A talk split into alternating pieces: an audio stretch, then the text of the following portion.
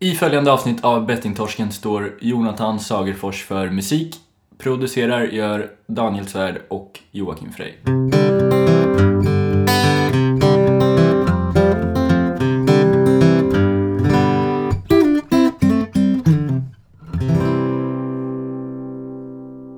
Hej och välkommen till Bettingtorsken. Uh, tjena Daniel. Tjena. Uh, hur står det till? Eh, Det är bra, det är bra. Jag dricker te. För första gången i Bettingtorskens historia. Äh, I inspelningen. Ja, båda två Och till och med. också, också det. Ja, exakt. Ja. Jag är lite besviken att det inte var sånt här fint te som jag har hemma hos mig. Det här är det finaste. Nej, jag är ekologiskt Grönt. eh, med honung och sånt också. Det fick jag en jävla Ja. Coop. Nej. Nej, det, var, det, det är gott det här. Mm, det är gott. Citrus. Det var Ja. faktiskt gott. Mm. Hur själv då? Eh, jo, det är bra. Eh, precis, eh, precis kom från träningen. Du, nu eh, är vi klara ju med, eh, med eh, fotbollen för i år. Vi, vi kan ju berätta för lyssnarna här att vi, vi klarade av det. Ja, Vi, vi löste det. Eh, AIF som, som vi spelar för nu två år här klarar vi av att som nykomlingar stanna kvar i den divisionen eh, vi kom upp i. ja allsvenskan. Ja, nästan. Nej men eh, jätteskönt faktiskt. Det, det har man ju dragits med. Eh, det har inte varit eh, alls eh, säkert på något sätt att det skulle gå. Tvärtom, det såg Ja, ju otroligt exakt. mörkt ut för, för Inför hösten så var det ju katastrofalt. Men vi, eh, Ja. vi var ju väldigt, gjorde väldigt bra på, på höstkanten där. Och många segrar och fina mål. Och avgjorde viktiga matcher. Och det var ju jävligt bra. Så nu kanon. spelar de kvar här i division 6. Ja. Men ja, och så sitter vi här och väntar eh, på eh, fotboll som nästan är lika bra. Mm. Champions League alltså. Ja, Ja. Det har ju också börjat nu. eh, Nu när de riktiga säsongerna har ja, avslutats. exakt. Ja, då får- de här också vara med och skina lite. Ja. Ehm, men du... På tal om en annan sak också. Jag vet inte om du la märke till det. Ehm, Men eh, jag uppdaterar ju min Facebook-profilbild. Ja, Ja. okej. Ja, ja, jag vill bara berätta att Malmö, Ma- Malmö, vill om det här. Mal- Malmö är mästare igen. Men det visste vi ju i och för sig redan. Ja. Så nu har de ju två stjärnor på, ja. på kavajen tänkte jag säga. Vad, ro, vad roligt för dem. Då kanske Rosenberg kan sova gott. Han har ju varit noga med det där. Han är ute och skriker i media var och varannan dag om att eh, Blåvitt är taskiga som säger att de inte får ha två stjärnor. Så. Ja. Han är ju ledsen. Men det var kul. Det, det, var, det, det var så att eh, tydligen så hade inte eh, det varit så många och eh, firat dem på Centralen. Nähä. När de kom fram. Men det förstår man ju. De är, vi är så vana Ja, att de vinna. glömde så bort att... Ja, Så, ja, ja. Men stort, du får ju säga grattis då. Till mig. Till dig, spelar du i laget eller? Det är nästan Ja, okej. kan man säga. Ja, grattis Malmö FF. Till, Jag är den eh, tolfte spelaren. Men du kan inte säga, be mig säga grattis och sen avbryta när jag säger Aha. det. Okej. Ja, nu går vi vidare. Men Nanne hjälpte ju också Kalmar. Ja, det är väl ganska självklart att Kalmar hade vunnit om Nanne hade varit med oss hela året. Men vi får hoppas han stannar nu då. Ja. Ja, Eh, vi hade ju lite grejer här och som jag tänkte ta nu när vi ändå är inne på, eh, på fotboll. mm. Eh, och eh, något som passerade här för någon, någon veckor sedan. Sverige, eh, Sverige eh, krossar ju Luxemburg med 8-0. ja, Mm. Det var fint, det såg vi ihop till och med. ja. Var det någon eh, sån här... Hade du någon tanke med att... Med, med, var det något fyndigt bakom Luxemburg? Eller bara slant du på tungan? Nej, jag vet inte. Var det något kul som jag inte ens tänkte på själv eller vad? Nej men du sa Luxemburg, så tänkte jag på att de är kända för att det finns massa pengar och man håller på. Ja, ja, okej. Jag tänkte att du gjorde en vits. Ja. Nej. Jo. Nej. Nej, det var för, bra Det lämnar, det lämnar vi. Men eh, det var inte var saken. Nej. Eh, Okej, sidospår. Um, 8-0 vann de med. Ja. Och eh, sist Sverige vann med så stora siffror var nog, ja det vet jag inte ens när det var, men det var vi på stenåldern tänkte jag säga. Det var ju väldigt länge Strax innan det. Ja, st- strax innan stenåldern. Eh, och alltså det är så, man blir lite trött alltså. Kan jag tycka. alltså nu, nu när man inte eh, spelar så hör man ju om alla, ja, men hur spelbolagen också hanterar olika situationer. Men att det var då en familj som hade vunnit. Eh, de hade spelat på 8-0. Oddset då var eh, väldigt högt. Eh, nu pratar vi inte summor men det var väldigt högt. Och inte jättehögt, inte orimligt högt. Mm. Tanke på att 8-0 har väl aldrig hänt och kommer säkert aldrig hända igen. Alltså i, oavsett om vi möter ett så dåligt lag så, så händer ju det här eh, aldrig egentligen. Eh, så oddset kan jag inte tycka var så orimligt högt. Eh, Nej, nej det, det var inte det för att sen har man, man vet att vissa spelbolag, jag vet inte just med NordicBet då, men de har ju samma odds på en rad osannolika resultat. Det kan ju vara så här 100 gånger pengarna på 8-0, eh, 12-4, alltså bara för att de inte pallar typ, så sätter de ett jättehögt odds. Ja, men exempelvis där när, eh, när, när Leicester vann ehm, Premier League. ehm, det var ju jättehögt odds på det. Men det är också, eh, händer ju, ja, ibland händer ju att, att, att ja, som Grekland, att de vann EM och så. Det händer ju liksom ibland att de har, och då, då är det ju svårt såklart, hur ska man sätta oddsen? Men eh, i stora hela så, okej nu pratar vi om, om siffror. Men det är 250 gånger pengarna. Jag anser inte det att det är så orimligt tanke på 8 har ju nästan aldrig hänt. En familj spelar då för eh, en summa, eh, inte så hö- hög. Eh, men vinner såklart en väldigt hög summa ju. För att 250 gånger pengarna är ju mycket. Spelbolaget då som är Nordic Bet här, eh, som ingår i eh, Betsson-gruppen och Betsafe och hela det här, det, det är ju samma allting ju. De betalar ut vinsten, men eh, till då familjen. Eh, för att det, det var ju en vinst. Eh, men sedan tar de tillbaka det igen och så skriver de då att ah, men det här var ju inte rätt. Det, det var orimligt. Och, och, så då har de mandat till att ändra det. Det, det var så jävla sjukt. Alltså ändå, om man ändå vinner, så vinner man ändå inte liksom.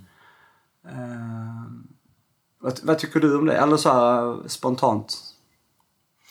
Eh, jag har hört ett par här historier tidigare, nu var det några, några år sedan så, men jag vet att det förekommer och det är bara... Det är Men det, bara det står ju, det skrivs stilt att de får lov att ändra. Ja, de, ja exakt. Det, det står ju typ då, vi förbehåller oss rätten att ändra odds i efterhand som eh, bla bla bla är orimliga. Typ så. Men det är ju eh, vidrigt för att de, det är dels är det i det här, just det här specifika fallet, det som du säger att eh, vi som har spelat mycket på just sportsbetting kan ju med säkerhet säga att eh, visst det är ett högt odds men inte orimligt på något sätt. Absolut Det, sen kunde det ha varit eh, 230 också eller 280, nu var det 250. Det är liksom ett, ett rimligt odds då.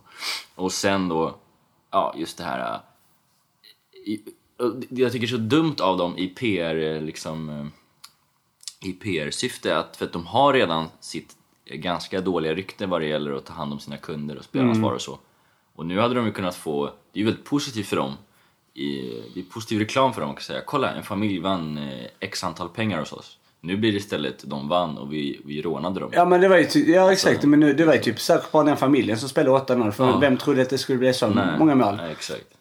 Eh, Nej, sorgligt alltså. Ja, verkligen. Men nu när vi är inne på spelbolag eh, här. eh, Jag vet inte om du såg här, jag la ju upp nu, eller jag vet inte om du såg, du, vet, du har ju sett, det var dumt. Men jag la in, eller jag la upp en bild här i veckan på, ehm, på eh, att jag hade fått reklam igen. Mm. Från samma spelbolag. Jag vet, nu har ni, vi har ju följt med här under den här resan och ehm, och vid tidigare avsnitt så har eh, spel, samma spelbolag kontaktat mig både via telefon, som jag spelat upp. Nu vet jag inte vilket avsnitt det var, om det är avsnitt 4 eller 5 kanske. Mm, det var ganska tidigt här. Och så var det någonstans där i avsnitt 11-12 som jag fick eh, hem reklam. Eh, och sen så har de kontaktat mig igen via telefon. Och det har jag då sagt eh, i inspelningen också att jag har problem med spelande, liksom att jag håller på att sluta. Och så skickar de hem reklam igen. Ehm, jag tror det är så jävla sjukt. Alltså de borde väl ha ett register på att... eh, Att jag har sagt att jag inte vill ha någonting med dem att göra. Alltså just, det hade varit en annan sak om det hade varit ett annat spelbolag. Då kan man förstå att de skickar reklam. Det, det, det tar mig. Ja, Men just det är samma spelbolag gång på gång som skickar hem till mig. De vet ju var jag bor liksom. Ja, nej det är klart att de har ett register, det är klart att de har full koll. Eh, Men de, eh, de vet ju också att du är ju potentiellt en jättebra kund för dem liksom, om du skulle falla tillbaka. Ja, jag har ju varit en väldigt god kund till dem, eh, kan man säga. Ja. Jag, tror jag ska säga, jag tror inte någon som lyssnar som, är, som eh, har haft själv problem med spel som, som är direkt chockad. Det är bara att konstatera att eh, det finns väldigt lite moral hos de här spelbolagen och det är ett problem för många människor. ja, men också att det är ju en... Det är ju en... Det är också en miljöfråga. Mm. Den här reklamen liksom, det är totalt onödigt. Jag får kasta den. Du- Skicka den till någon annan liksom i så fall. Alltså, det, spara på miljön. Det, det är ju så många alltså, aspekter på det här problemet. Ja. Men återigen där då med moralen, det är klart de vet att om, om de skickar det här via mail till dig så är det väldigt lätt för dig att bara klick, släng, borta. Det här är ändå ett brev som du fysiskt du håller i handen. Eh, chansen är större att du läser det liksom. Ja, det var ju ganska... De hade ju försökt spexa till det lite extra. Jag kan säga här... eh, eh, Och ni, ni kan gärna gå in och kolla på... Där på sociala medier så, så ser ni, eh, jag tog ju bild på det. Det står Din dag blev precis bättre Ja. med stora Det bokstäver. reagerade jag också på. Ehm, Ja. ja, jag vet inte om den blev... Vad kände du då? Var det liksom en... eh, Ja, jag, Alltså du blev ju uppenbarligen irriterad och så här. Men var det något typ eh, som... Det blev lite ironi på den texten. För att jag vet att eh, när jag fick den så, så hade jag inte haft så jättetoppen dag. Liksom, dag blev sämre liksom? Och så, så det blev lite ironi på det hela. Eh, att, eh, att nu blir den bättre. Ja, precis bättre. Det, ja. Men var det, Det någon, eh, alltså vad det gäller spelsug och sådär, var det något som blev du påverkad på det sättet? Nej, jag läste inte ens igenom vad det stod. Nej, Det var för det mycket, bra. ja, det var för mycket text. Och sen så... mm, Nej, det var ju mer bara att det var samma spelbolag så jag tyckte det var bara jävligt eh, fel av dem alltså. Att de, de har ju all den här informationen. De kan ju använda den och rikta den rätt istället. De kan ju ta kontakt med mig när jag spelar destruktivt istället och sagt eh, du, du, du spelar mer än dina... eh, Ja, än vad du normalt sett gör. Eh, är det kanske dags för att... Så de- de har ju informationen ju. Det kan man ju säga nu. De skickar ju det till mig. De vet att jag har varit kund och har spelat där och de skickar det ju. Så att, eh, men eh, det är ju någonting man tror jag får... eh, får det får man nog tampas med. Antingen får man flytta liksom så får man inte den reklamen och byta nummer. Eh, och det är bara så sjukt att det ska vara så. Ja. Ja. Det är alltså Bet Hard som håller på med den här Ja. skiten. Ja, men de är ju, Ja. de är ju kassa allihopa. Spelar ingen roll vad det är för spelbolag. Det är alltså Bet Hard då. Ja, hard bet. Ja. Eh, ska vi presentera gästen? Eller, Absolut. Ja, vill du göra det eller? Det, det kan jag göra. Um, Madeleine... Tygel! Just det, bra. Hon, eh, den spelades in här för, för några månader sedan när vi var nere i Malmö. Ja. Och eh, hon är eh, en person som 2001 var med och startade igång Spelberoendeföreningen nere i Malmö. Och, och eh, hon jobbar ju där också. Eh, f- idag. Eh, väldigt trevlig tjej. Eh, anhörigperspektivet får vi höra igen. Din, din tanke, eller ja. Ja, Tycker du? det är alltså tygel, det är vet, eh, när man, som man skriver müsli. Det är på samma vis då. Mhm. Till tyska i ett. Mm. Är, Eh, Y. nej, tyskt y. Ja, tyskt Y. U och så två Ja. prickar. Det är jättesvårt att hitta den på tangentbordet. Mm, det är lurigt faktiskt. Faktiskt. Eh, Om Madeleine lyssnar, ring gärna och berätta hur man hittar det. Ja, precis. Nej men, eh, ja, ja det, Ja, fantastisk tjej alltså. Det, Jättehärlig och eh, fantastiskt engagemang och som man kommer höra så har hon varit engagerad i det här i typ 3000 år och hon kämpar ju på hela tiden och, eh, och ja, vi, vi blev väldigt välkomnade. Vi spelade ju in avsnittet nere i Malmö. fantastiskt. Eh, ja, Det är bara att köra igång. Madeleine Tygel i Bettingtorsken.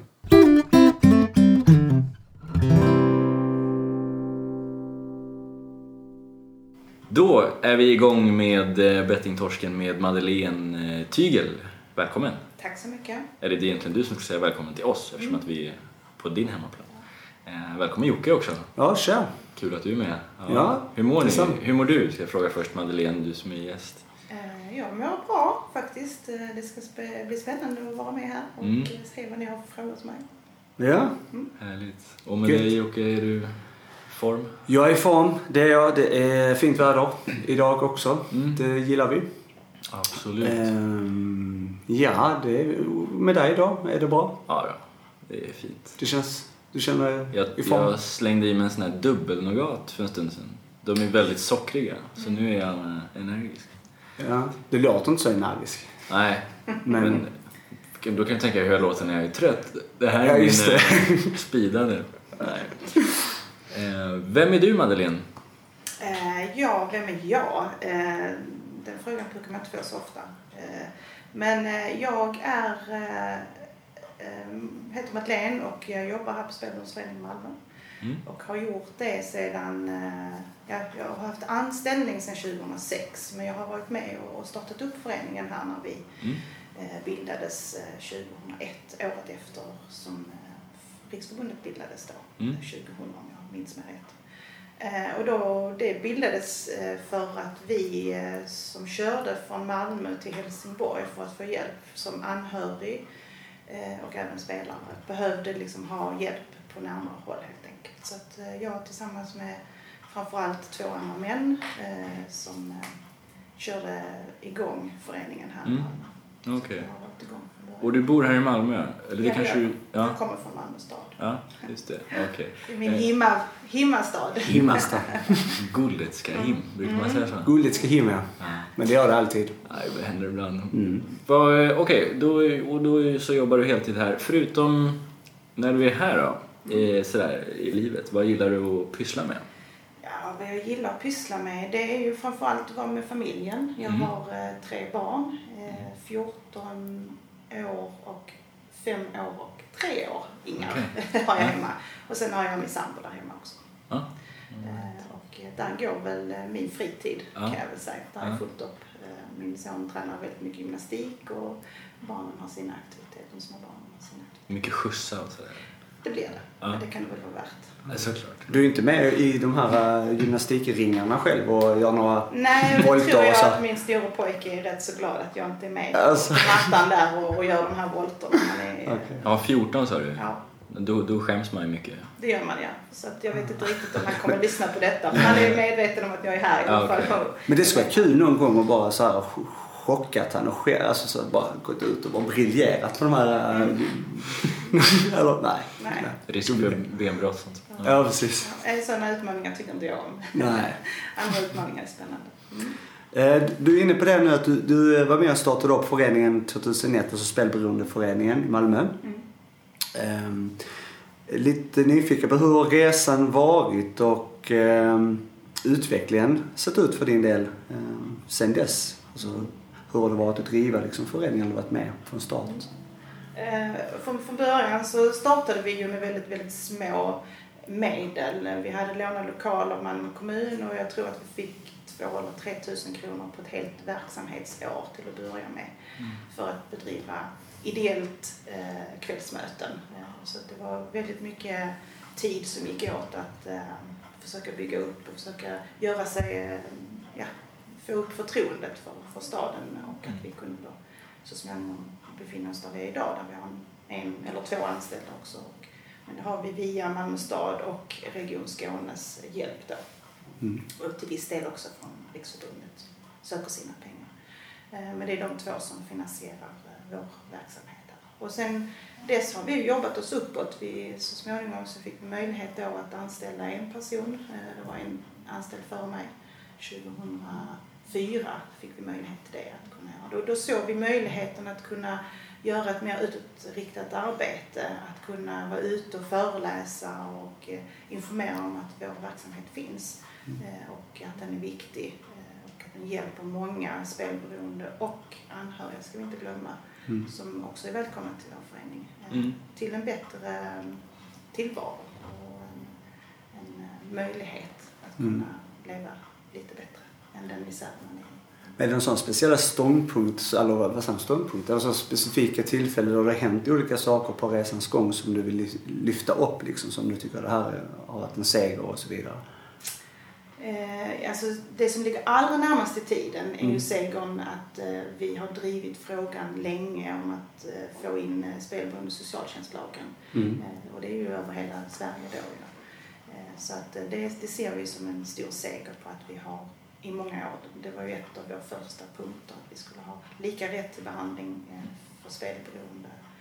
Och i- förlängningen också anhöriga ska också kunna få rätt till stöd. Mm. Eh, Och det, där är det ju i alla fall lagstiftat eh, nu sen, och den kommer träda i kraft 1 januari 2018. Sen är ju frågan som återstår, det är ju är kommunerna rustade för den här lagstiftningen? Och där tror jag inte att, där har vi rätt mycket kvar att arbeta. jag. Mm.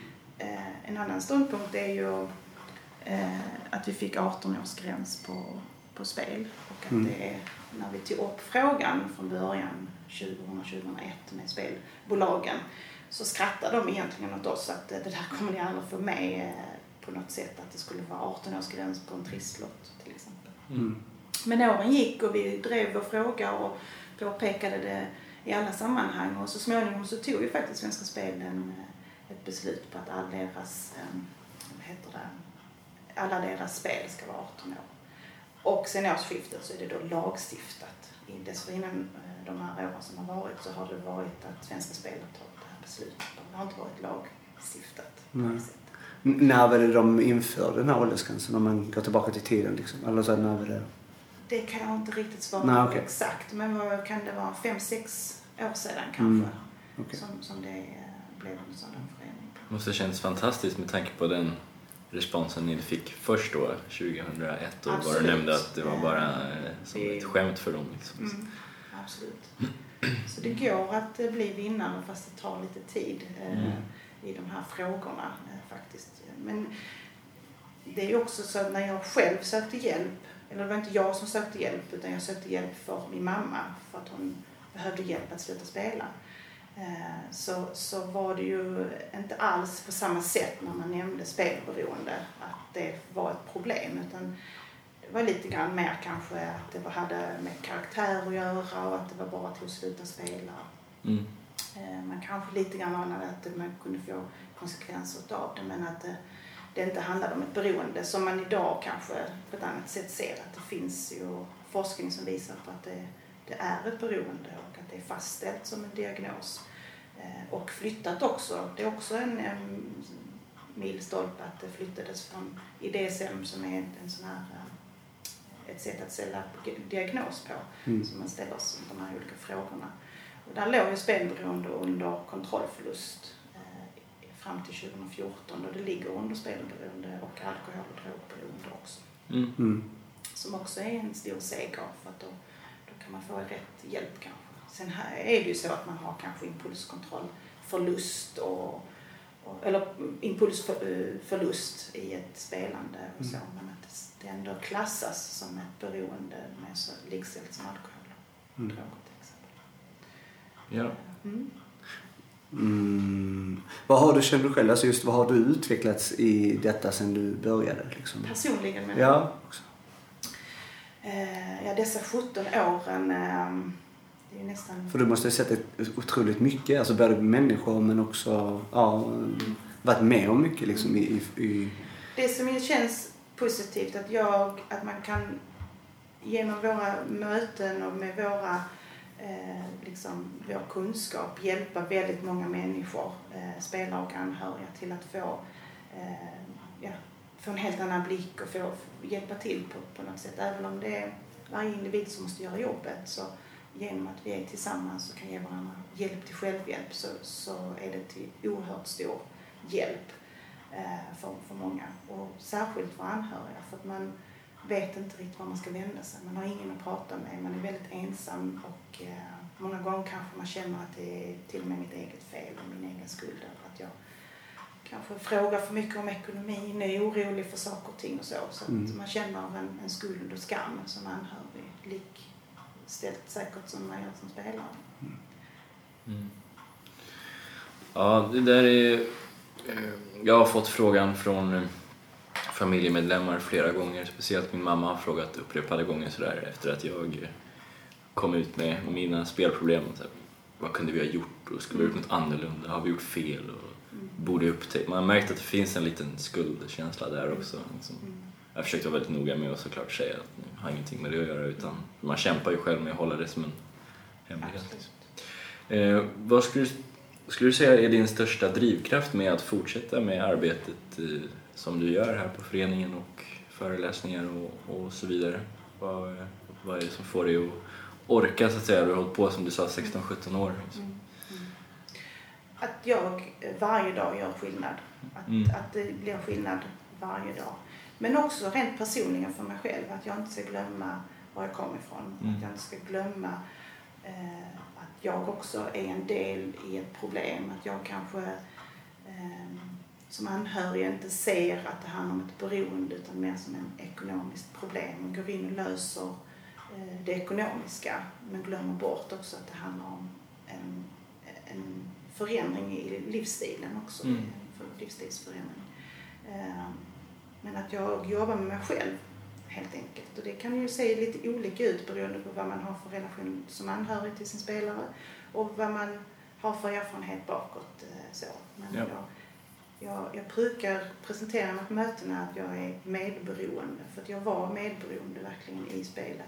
Mm. Jag möjliggjorde många möjligheter att fortsätta spela. Eh, Jag täckte upp och ljög eh, för min spelare eller för min mamma. Mm.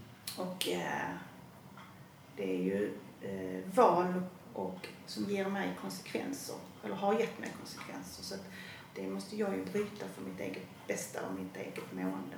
Mm. Och förhoppningsvis också att det kan hjälpa eh, till att också bryta spelandet eh, där det, det, det sker. Liksom. Mm. Tror du att det är här som liksom, din framtid ligger? Det är det här du kommer göra tills du... Till, det ska jag inte... Du slutar jobba? Liksom, ja. Jag tror absolut att eh, eh, vi har en uppgift att fylla under rätt många år. Mm. Eh, särskilt nu när det blir eh, i, i eh, socialtjänstlagen och att det blir mer ett ansvar för folk, att, eller för kommunerna att eh, ta. Mm. Och där tror jag att vi, vi kommer att vara en viktig bit i det hela. I, i, det behövs också behandling och andra former men, men hjälp till självhjälp eh, behövs. Och så här, för, framförallt både i väntan på behandling om man nu behöver det eh, men också även efter att behandlingen är avslutad så behöver man eh, jobba med sig själv och liksom eh, bli påmind och, och framförallt inte glömma var man kom någonstans från början. Eh, och känna gemenskapen som vi har på våra möten. Jag tror att eh, styrkan med det ni gör är den här öppenheten och enkelheten. Liksom. Så, så länge man vet om att det finns de här lokalerna så är det ju mer eller mindre bara att stövla in här. Liksom. Eh, och det tror jag är otroligt bra för de som är utsatta då, spelare och anhöriga. För jag tror det här eh, komplicerade kan vara någonting väldigt, man, när man redan har det jobbigt liksom. Eh, jag vet, jag själv gick till vårdcentralen till att börja med. Lite så här desperat rop på hjälp och så, så här ser det ut liksom. Jag har ångest om det ena med det andra. Vad kan jag få för hjälp? Och då ska man prata med den och du ska skriva en remiss och gör det och gör. Alltså, det är så enkelt det här. Men jag det- brukar få frågan faktiskt, hur länge ska du hålla på och gå på de där mötena? Och Mm. Är du liksom inte färdigbehandlad inom Mm. situationstecken? Eh, och jag ser det mer som att, ja mitt bagage jag har med mig, den har jag, det har jag fått med, med de här åren behövt paktera om så att den inte är så tung att bära. Men jag bär ju fortfarande på mitt bagage. Mm. Eh, Det kanske är lite mer lättvikt i det hela just nu. Men jag har ju en oerhörd möjlighet eh, som har öppnat mig sedan jag liksom fick var tvungen till att börja jobba med mig själv. Och möjligheten för mig är att kunna få gå på mötet en gång i veckan, en gång i månaden eller det behovet jag är i. Mm. Eh, att, att serva mig själv lite grann. Vi, vi är duktiga på att serva in bilar och, så att vi smörjer upp olja och sånt. Och jag går på möten för att smörja upp mig själv. För att, Mm. för att orka fylla på, för att orka vara eh, en bra mamma och, och, och så. Och den timmen jag investerar här, eh, eller två på kvällsmöten, den, den genererar så mycket positivt Mm. på alla möjliga plan. Inte bara till mig själv utan även för familjen. Och det känner de ju. Har jag inte gått på möte ett tag så kanske jag inte är så trevlig så får jag Men- släppa det här. Men just det med psykolog som pratar om så var det ju för mig också när jag gick till psykolog från början och pratade om, om generellt om, om andra grejer och, och då kom man till insikt om, om just eh, sitt spelproblem. Eh, det var ju mitt sätt att komma in i, eller innan jag fick förståelse för, för mina egna problem. Och då var det också det att de tipsade om en spelberoendeförening, att det finns liksom. Och det är ju väldigt viktigt och, och så att man, eh, det var bara jag ville flika in på det Ja, men om. det tacksamt att bo i en stor stad liksom, där de sa att ja, det är mer eller mindre Ja, det bara att gå dit liksom. gångavstånd för de Ja, flesta. Liksom. Det är kul att du tog upp det här exemplet med bilar, för det har ju du pratat om också. Ja, exakt. Alltså det, är ju det, det, det, det, det kan man ju alltid påminna folk om och, och människor som ja, men lyssnar här också. Och, och generellt att eh, det är inte någon skam överhuvudtaget utan det är precis som du säger. Eh, jag har ju sagt det själv att eh, liksom är, bilen sönder liksom så, går det ju att laga den hos en bilverkstad som sköter det och gör jobbet åt dig liksom för du kan inte mecka själv. Det är ju samma här att man går och besöker psykolog, går till, till terapi på KBT eller spelberoendeföreningar för att få bukt på sina egna problem. Det ska man liksom inte skämmas över. Det är extremt viktigt att faktiskt våga inse att det är andra som har, är, har professionell eh, kunskap och hjälp att kunna ge dig. Så det är bara att göra det. Men som anhörig tänker man kanske att ja, jag kanske följer med i något möte men det är inte jag kanske som behöver hjälp. Det är inte jag som ska sluta spela eller så. Men, och hade jag vetat när jag körde till Helsingborg, mina, mitt första möte, att jag faktiskt eh, 17 år senare skulle behöv, under den tiden behöva jobba med mig själv som jag faktiskt har gjort. Jag har eh, kommit underfull med många beteenden och mycket svårigheter som jag liksom har skapat i och med att jag är anhörig och- medberoende i det här spelandet. Så gör det, och jag har fått jobba stenhårt. Det har varit gråt och varit smärta. Jag har fått prova och jag har också varit på nämndemansgården på en sån här anhörigveckor och så. Vilket har varit jätteviktigt för mig. Men det är alltid till föreningen jag sen har kommit tillbaka. Mm. Att jag har samlat på mig verktyg för att kunna hantera min tillvaro. Man det är också tänker som anhörig, vad, vad är det för tillvaro du ska hantera? Mm. Ja, det är ju påfrestningar. Att se någon man älskar faktiskt må väldigt dåligt. Mm. Eh, att eh, ställa till det för sig, bli av med jobbet och pengar och, och sådana bitar som påverkar mig. Eh, och är man då medberoende så är det ju den personen som spelar. Det är dens mående som jag lever ut efter. Mm. Eh, och det gör ju att jag får svårigheter. Men kan också vara just när du pratar om att komma tillbaka till föreningen att det handlar mycket också om att här på föreningen så kommer, är det ju blandat. Mm. Att det är blandat mellan både anhöriga spelare och att du får höra liksom, Mm. att du får de sidorna bekräftat också när du väl är här. Det har varit jätteviktigt att få Mm. prata med andra anhöriga, känna igen sig och, och så. Men också få, få ställa frågor till spelare Mm. och skaffa mig kunskap. Och framförallt att det inte det är jag som har den enda spelaren beroende i hela världen. Det finns faktiskt andra som jag ser på ett annat sätt. Därför att jag ser ju att de här spelberoende som kommer hit till föreningen, de är ju trevliga och roliga eh, och så. Men att man också har ett tungt bagage med sig. Men Mm. att det går att göra en förändring. Och det var det jag fick med mig faktiskt från mitt första möte. Det var att det går att komma tillbaka. Att det hoppet, det går att göra en förändring. Det är inte enkelt. Eh, Det är inte rakt fram på en motorväg utan det, det kan vara rätt så jobbigt. Det går. Mm. Mm. Vad... eh, ja. Suger in sig den här energin. Alltså det, det, det är ju sant, det, det går. Det, det är härligt att höra de här. Ja. Det, det är ständigt viktigt att påminna sig själv. Och det är där. Energin kommer ut också. Jo, men det, det, det gör de. Ja. De, de har ju... Det lyser eh, rött här. Ja, Men, vi eh, har underbara stämmor. De hör ju det här. De samlar på sig den här energin. Det går att göra. Det, och det är det man påminner sig själv om när man kommer hit på de här ställena. Att, eh, ja. Jag, jag reagerade på det här du sa om eh, ensamhet som jag tror många känner och det var en av våra stora eh, tankar man ska säga, i att starta podcasten att mm, försöka få folk att inte känna sig ensamma. Man vet hur det är. Man, eller jag har i alla fall tänkt så här att eh, visst det är säkert många som eh, spelar för mycket men jag har ju världens ångest och jag har, det är ju verkligen kris för mig på ett sätt som det inte är för någon annan. Så- Och så tror jag väldigt många tänker. Så att eh, förhoppningsvis lyssnar de och eh, så blir vi ett gäng allihopa.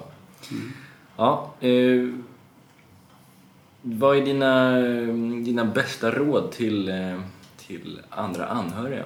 Eh, och framförallt undrar jag om du har några bra råd i det här tidiga skedet där man kanske misstänker att någon i sin omgivning har problem. Man kanske inte vet, men man... Ja, så. Vad, vad gör man? Precis, den frågan är ju eh, inte helt enkelt att svara på. Nej. Eh, Men framförallt att fort, alltså känner man någonting i magen, att, att någonting liksom, magkänslan säger att det här stämmer inte. Att man är frågsam, att man är kanske lite jobbig. Eh, För man kommer kanske få, om man ska närma sig en missbrukare eller när man ska närma sig dens eh, liksom, jobbiga muren där, så kommer man få antingen eh, ilska eller nej det är inga problem och det är lugnt och att man kommer få förklaringar som man tänker okej, men att man inte ger upp på första och andra förklaringen utan man fortsätter. Och framförallt kanske inte att man säger du, jag tycker du spelar för mycket. Mm. Utan faktiskt, jag är orolig för hur du mår. Jag är orolig för att du kanske har smutsiga kläder på dig eller att jag, jag ser att någonting inte står bra till. Att man försöker ta den frågan istället eh, på det hållet än att eh, angripa spelet. För där går man till försvar för det är liksom, där är skulden och skammen och man vill inte bli påkommen. Utan att man försöker förklara och att man utgår från sig själv. Jag är orolig för dig. Mm. Istället för att säga du spelar för mycket. Det blir väldigt mycket mer hotsamt. Men Ja. Jag är orolig för att du inte mår bra. Och kanske öppnar upp eh, där. Och är det så att man behöver, många gånger så kommer ju spelaren när man behöver låna pengar. Mm. Och där eh, är det svårt att ge ett råd att aldrig låna pengar. Men man ska vara väldigt liksom noga med varför behöver du pengar just nu. Särskilt om man har den här oron och inte Mm. liksom bara köpa en förklaring. För det finns ju spelare som tycker att eh, jag behöver låna pengar nu för jag behöver vinterdäck. Ja men det är juli månad Mm.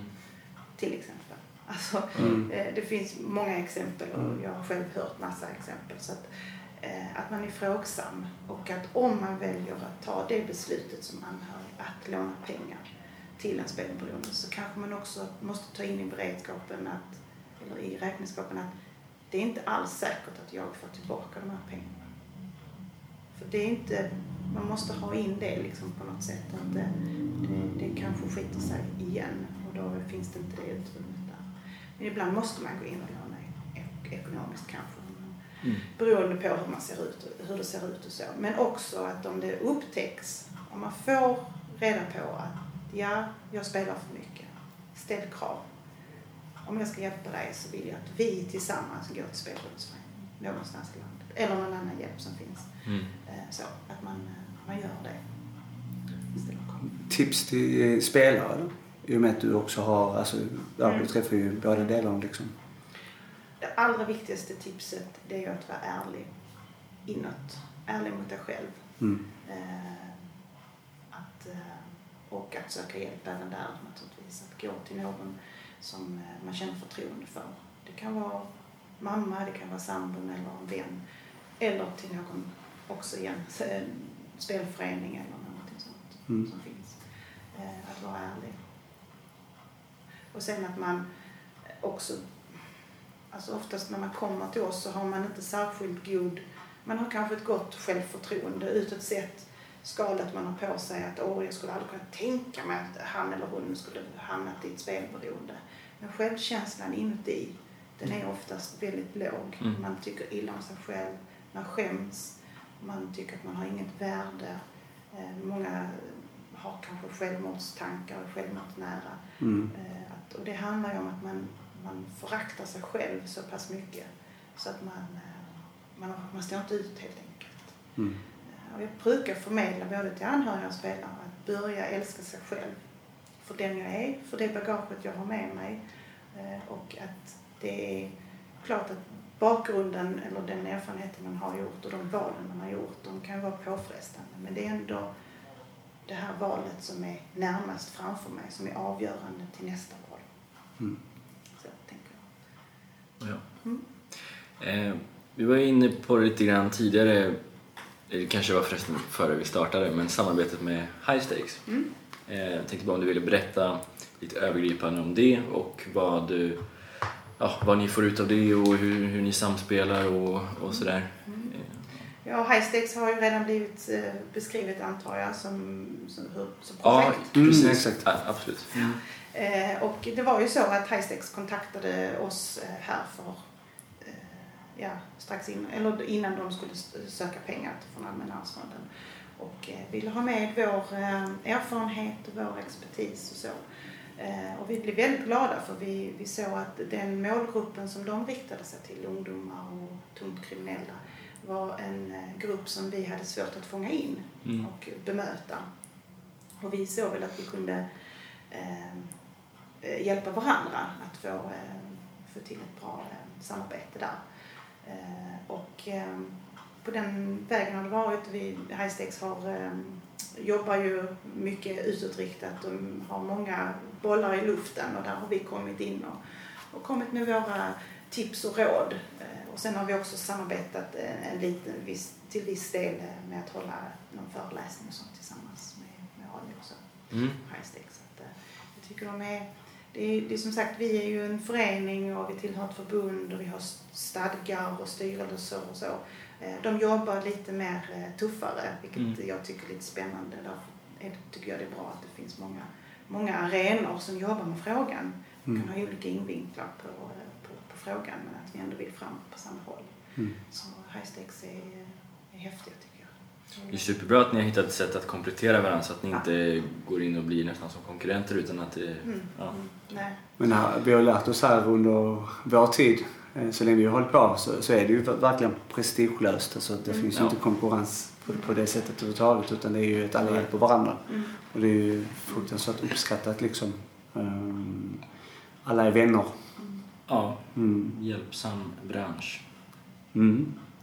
Eh, Jag tyckte höra också eh, med dig om en... eh, Det är ju så att du- är, du har ju ett anhörigperspektiv som du är inne på att prata om. Eh, Vilket man också kan läsa i boken När allt är förlorat av Joakim Björk.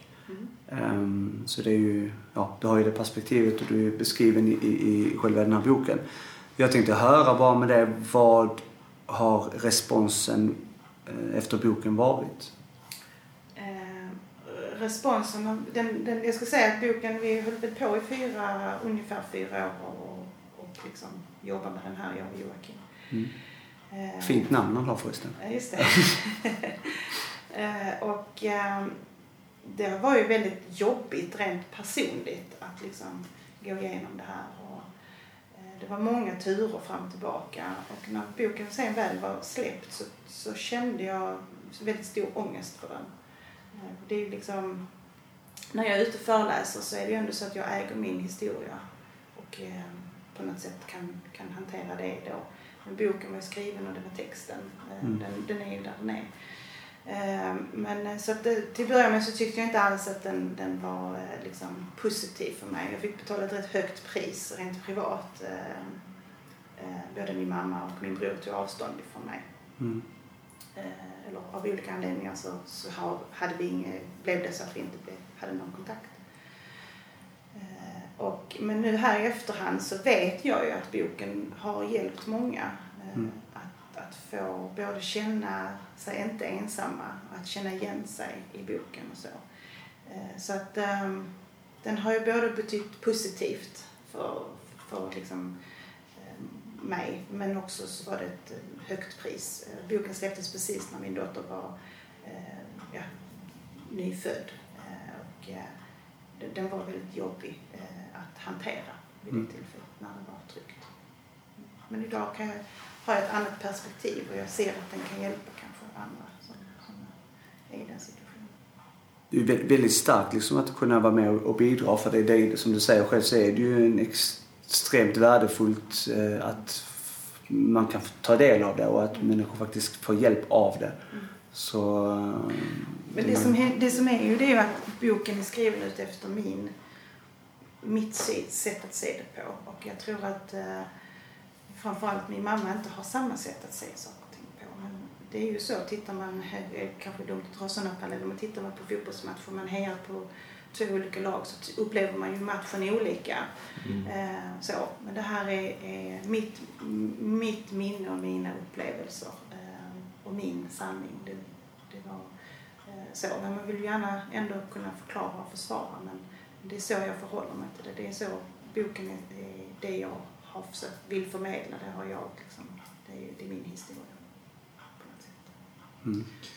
Jag tycker att det är väldigt starkt gjort för att självklart så kunde du antar jag, ana att det skulle bli ett, ett jävla liv för att uttrycka sig så liksom. Och mycket kritik säkert som du har fått och som du själv nämner att det blev stormigt privat och så men att du ändå valde att göra det för att du såklart också förstod att det kommer hjälpa många så tummarna upp. Liksom. Mm. Men, men det, det är ju verkligen så när man delar med sig av sina historier liksom, och jag kan förstå det helt och hållet själv. I, I och med den här podcasten så är vi ju väldigt utlämnade också, jag och Daniel. Kanske inte till hundra procent, alltså där är ju en del privata grejer man kanske sparar liksom. Men det är också så här att vi berättar ju själv om vår resa och vad vi har gjort. Och det är klart att när man berättade för, eh, i första avsnittet om att man gick till psykolog. Det var ju många turer som gjorde att jag själv kanske tänkte att Nej, men det här är nog inte en bra idé. Jag är inte säker på det här. Så att innan vi ens publicerade någonting så, så gick jag mycket i tanken att ska jag ens göra det här projektet? Ska jag, för att jag hade, vi hade spelat in första avsnittet, vi tyckte det var ganska bra. Nu är det ju gammalt och vi har ju blivit bättre då. Nu är vi proffs. I ständig utveckling. Ja, ständig utveckling. Eh, och så pratade vi om det här. Du tyckte att, men klart att, kör, det är ju, det är ju starkt material. Just det var ju starkt också att man vågar. För jag har ju inte berättat för någon. Nej. Det var ingen som visste om att jag gick till psykolog. Inte min mamma, alltså ingen i min familj visste om det här. Så att där blev ju lite av en, eh, ja, den här styrkan liksom. Mm. Att eh, man ska behålla den själv. Så att, eh, och, eh, men jag har ju också fått väldigt mycket positivt av det. Sen så har ju du och Daniel också berättat mycket om din resa här under mycket ABT och mycket annat liksom. Men du är, är eh, liksom... Precis, för i boken beskriver jag ju, det är klart att jag beskriver min mamma, men jag skriver, beskriver också mig själv eh, utifrån mina svårigheter jag hade Mm. i ungdomen. Jag låg inlagd för mitt matberoende och så. Och det är ju ingen vacker eh, bild av mig heller i tonåren så.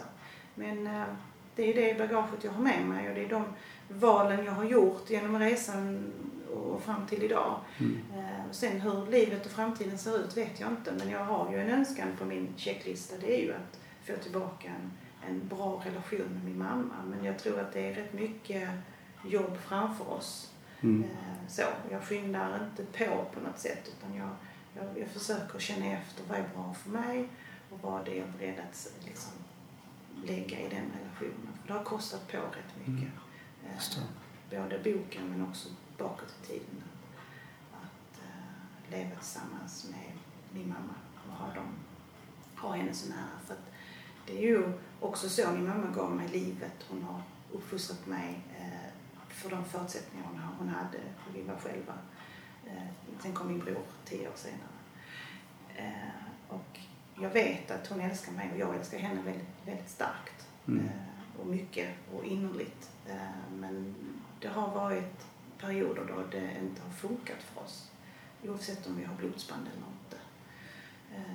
Så att, ja, det är smärtsamt men det är någonting jag måste förhålla mig vid. Och ibland går det väldigt neråt och ibland så fungerar det någorlunda.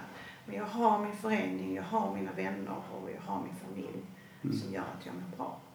Eh, Så, och håller mig liksom de dagarna det är dipp. Eh, För man tror sig att man är liksom frisk någonstans eller mår bättre.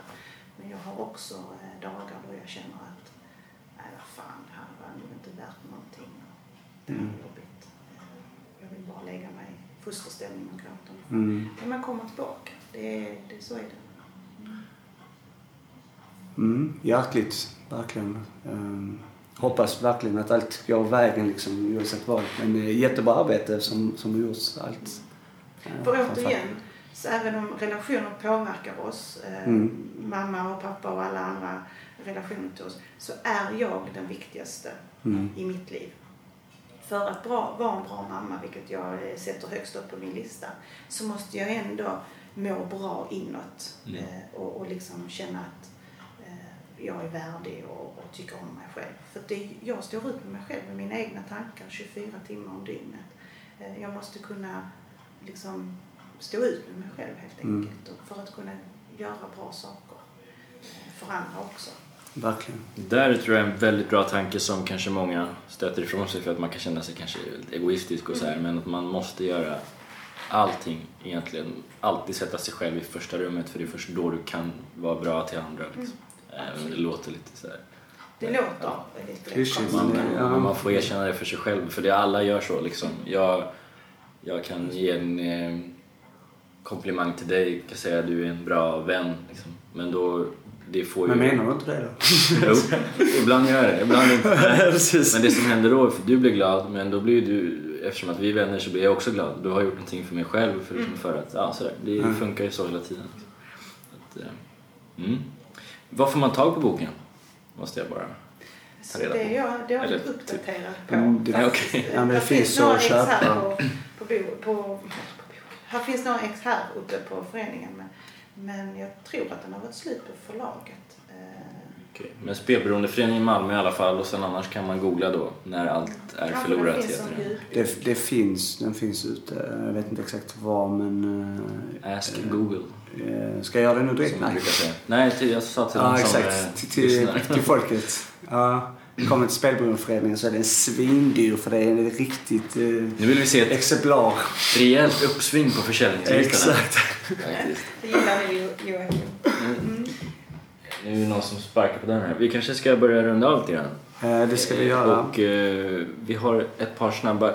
Jag undrar så här Madeleine, hur, eh, hur ser det ut framöver för dig i, i livet? Alltså, har du några spännande planer och sånt? Det behöver inte just handla om spel eller det du gör här utan vad du känner för. Mm.